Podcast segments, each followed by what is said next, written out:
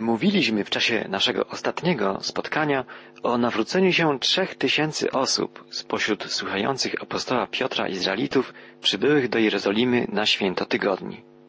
W dniu świątecznym, w pięćdziesiąt dni po zmartwychwstaniu Jezusa, stąpił na grupę modlących się apostołów i pozostałych uczniów Jezusa zapowiedziany im przez Pana Duch Święty.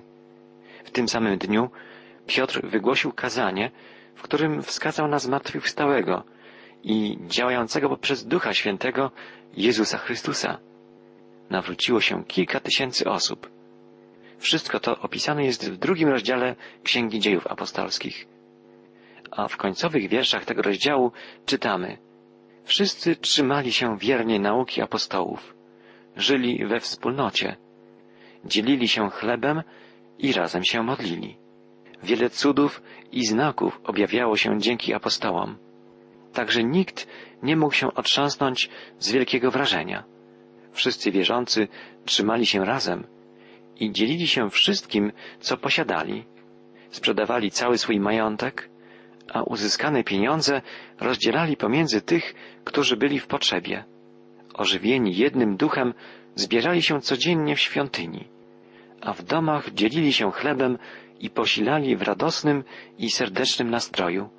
Chwalili Boga i cieszyli się życzliwością wszystkich ludzi. Pan zaś codziennie pomnażał liczbę tych, których pragnął zbawić. Widzimy, co działo się dalej po Dniu Zielonych Świąt, w którym tak poruszone zostały serca kilku tysięcy ludzi.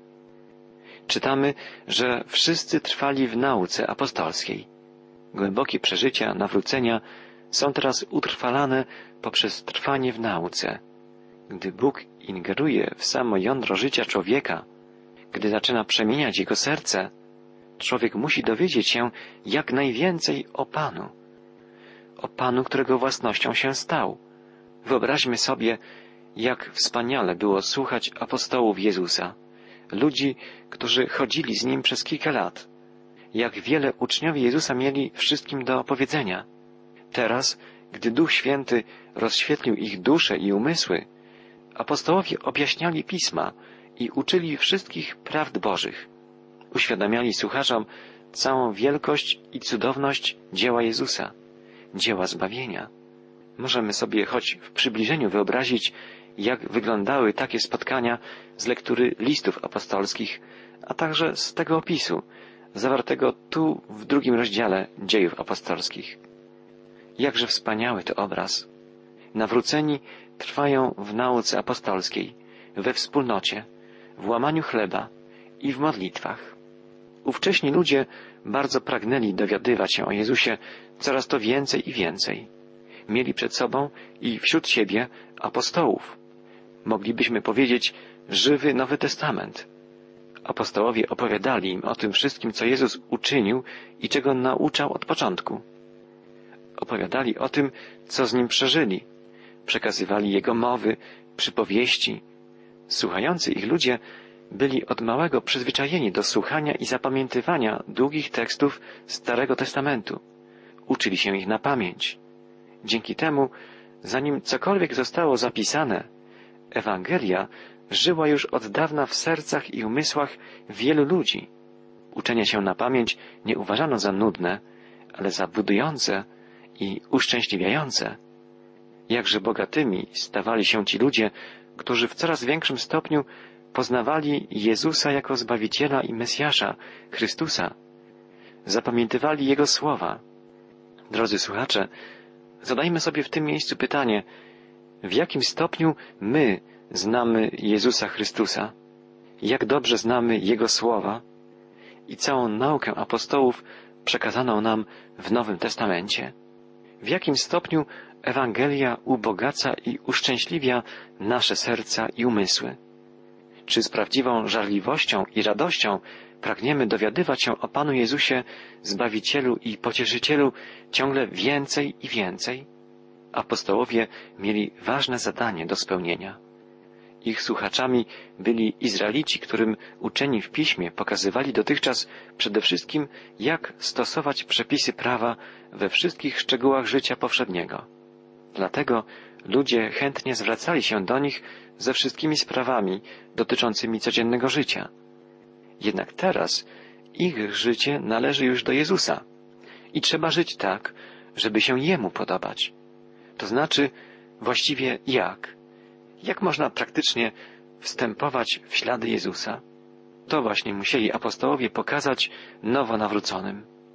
Uczniowie Jezusa musieli pokazać swoim braciom coś bardzo ważnego w odniesieniu do Izraela. Musieli wykazać, że życie, cierpienie, śmierć i zmartwychwstanie Jezusa to wypełnienie wielkich obietnic Starego Testamentu. Podobnie przecież czynił Jezus, gdy po swoim zmartwychwstaniu dwom uczniom idącym do Emaus otwierał pisma, aż im serce pałało, jak pisze Łukasz w swej Ewangelii. Podobnie czynili zawsze apostoł Piotr i Paweł, kiedy we wszystkich swoich mowach przytaczali słowa Pisma Świętego. W ten sposób nowonawróceni chrześcijanie w Jerozolimie, a potem w kolejnych miastach Imperium Rzymskiego mogli sprawdzać, czy tak się rzeczy mają, odwołując się do obietnic i proroctw Starego Testamentu. Jezus został uwierzytelniony jako ten, który wypełnił Stary Testament, a sam Stary Testament ukazał się teraz w zupełnie nowym świetle. Również i dzisiaj ciągle na nowo odkrywamy związki i zależności między Starym i Nowym Testamentem. Zauważamy jedność ich przesłania i to, że wzajemnie się uzupełniają i tłumaczą. A przede wszystkim zauważamy to, że Jezus Chrystus jest centralną postacią całej Biblii. Piotr mówił o upamiętaniu, o nawróceniu się każdego z osobna, bo każdy osobiście musi podjąć tę decyzję. Czytamy jednak także, że nowonawróceni trwali we wspólnocie. Nie słyszeliśmy, żeby Piotr wzywał tych ludzi do tworzenia wspólnoty, czy do założenia jakiejś organizacji skupiającej wszystkich wierzących w Jezusa. Takie apele nie były w ogóle potrzebne. Oni trwali we wspólnocie, bo po prostu tego pragnęli. Było im dobrze ze sobą i wiedzieli, że łączy ich coś najgłębszego i najtrwalszego. Wiara w tego samego, jedynego Zbawiciela. Ich wspólnota nie miała jednak wyłącznie duchowego charakteru. Była to konkretna wspólnota życia. Wyrażało się to innymi w łamaniu chleba. Przede wszystkim chodzi tu o wspólny posiłek. Posiłek rozpoczynający się zgodnie z żydowskim obyczajem od łamania i rozdzielania chleba. Jadało się razem, oczywiście jak czytaliśmy w wierszu 46, po domach, czyli grupami w różnych domach. Dzięki dzieleniu i rozdawaniu chleba wspólnota mogła od razu przybrać konkretną postać. Możemy też przyjąć, opierając się o późniejsze wzmianki autora dziejów apostolskich Łukasza, że oprócz wspólnego posiłku spożywano często także wieczerzę pańską. Uroczystość ta wyrastała, tak jak w momencie jej ustanowienia przez Jezusa, ze wspólnego posiłku i miała swoje żywe miejsce w każdym domu, z dala od ołtarza, liturgii i kapłaństwa. Tak było również i później w pogano-chrześcijańskim zborze w Koryncie. Wierzący trwali w modlitwach. Czytamy także. Chodzi tu przede wszystkim o wspólną modlitwę. Wspólna wiara skłania, a przynajmniej powinna skłaniać do wspólnej modlitwy. Musiano modlić się dużo, skoro na początku członkami wspólnoty byli Żydzi, którzy modlili się już wcześniej regularnie, przyzwyczajeni do oddawania Bogu czci i dziękczynienia. W przeszłości modlitwy ich były często wymawiane jedynie z tradycji. Na przykład często zmawiano lub śpiewano słowa psalmów, ale teraz nabrały one zupełnie innego, nowego znaczenia. Teraz otrzymali oni dar czczenia Ojca w duchu i w prawdzie. Mogli wołać w duchu synostwa. Jaką moc miały te wspólne modlitwy, przekonamy się niebawem. Nie możemy, drogi przyjacielu, nie postawić sobie w tym miejscu pytania, jakie są nasze wspólne modlitwy. Czy w ogóle modlimy się wspólnie z innymi chrześcijanami? Nie chodzi tu tylko o wspólne spotkania całej wspólnoty naszego kościoła czy naszej parafii, ale o wspólne modlitwy z naszymi rodzinami, sąsiadami, przyjaciółmi. Czy znajdujemy czas na to, by kogoś zaprosić i wspólnie z nim się modlić? Czy zachęcamy do wspólnej modlitwy naszego współmałżonka, nasze dzieci, naszych rodziców, rodzeństwa? Módlmy się wspólnie. Przecież to tak wielka radość, że poznaliśmy tego samego Zbawiciela i że jest On naszym kochanym, cudownym Panem.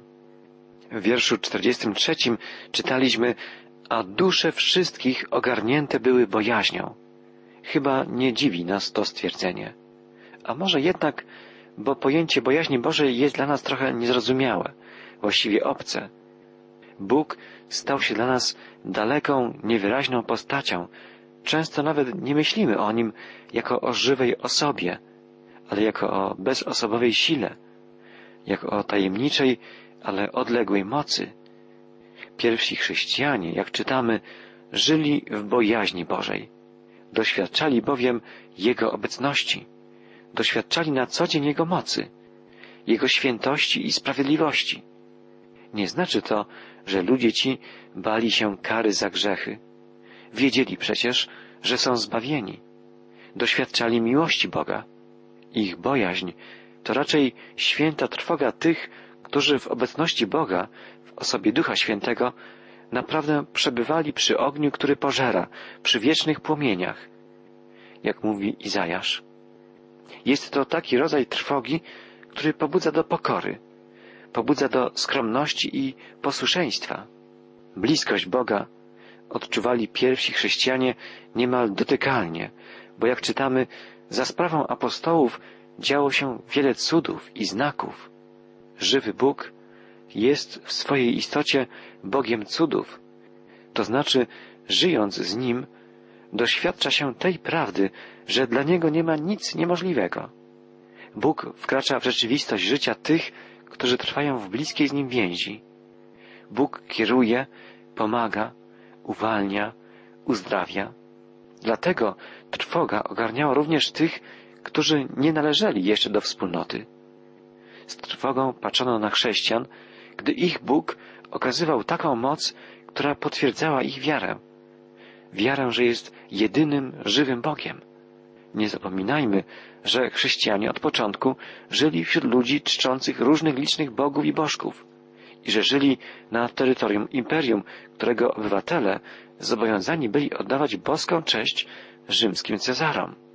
Ludzie zauważali, że Bóg to nie jakaś postać ze starych opowieści, w którą wierzy się bez specjalnego wzruszenia w sercu i której cześć oddaje się bardziej z tradycji niż z przekonania, ale że Bóg to rzeczywista osoba, ktoś, kto jest obecny w życiu tych, którzy mu ufają. Fakt, że cuda i znaki budziły w ludziach trwogę, świadczy o prawdziwości tych znaków. Bóg naprawdę manifestował pośród pierwszych chrześcijan swoją obecność. Czytamy jeszcze coś bardzo interesującego i wspaniałego o tych ludziach. Wszyscy, którzy uwierzyli, byli razem i mieli wszystko wspólne. To zdanie można by przetłumaczyć z języka greckiego również inaczej.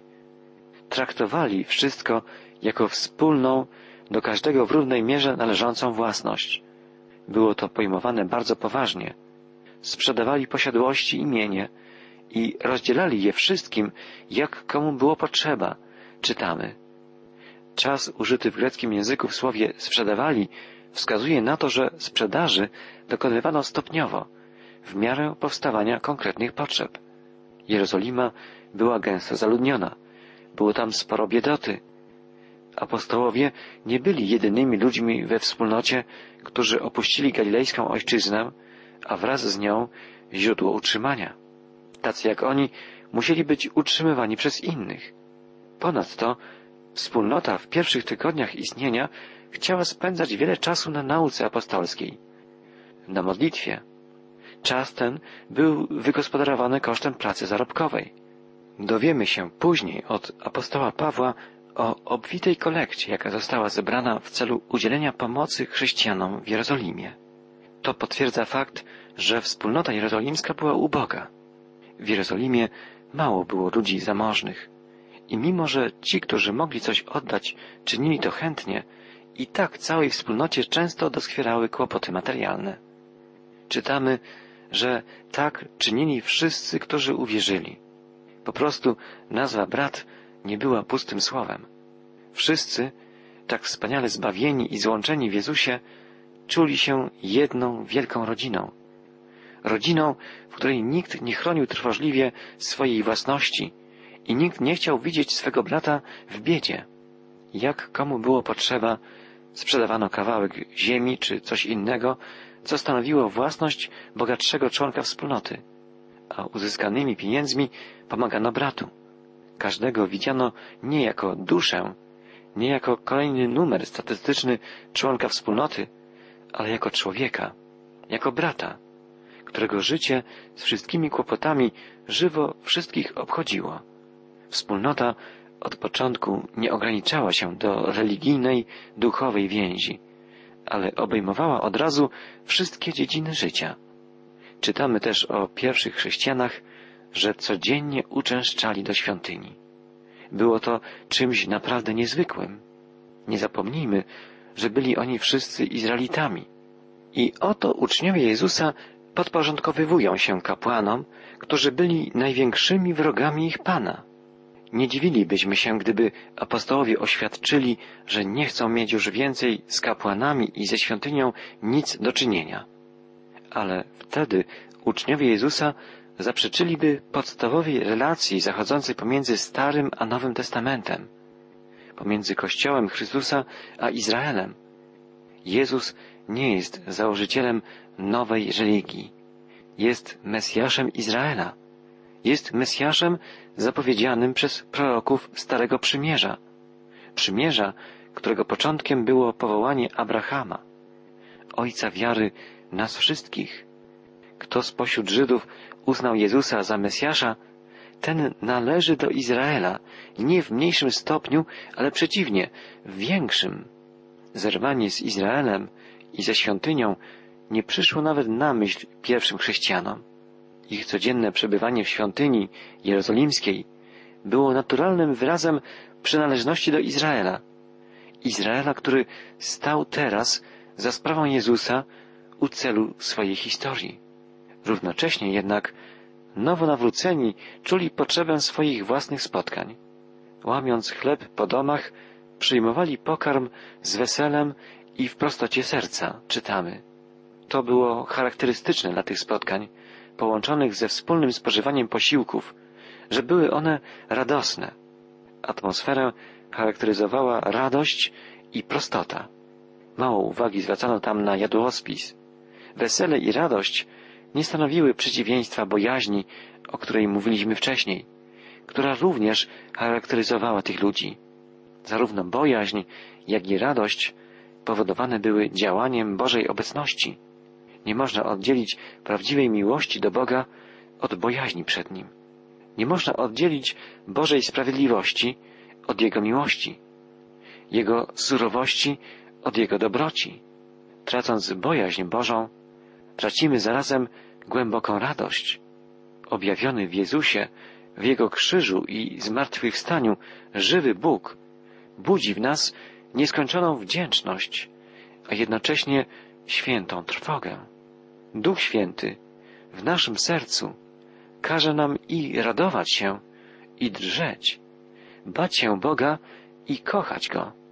Zwróćmy uwagę, jak często Biblia mówi o radości i weselu, gdy wspomina o ludziach prawdziwie oddanych Bogu.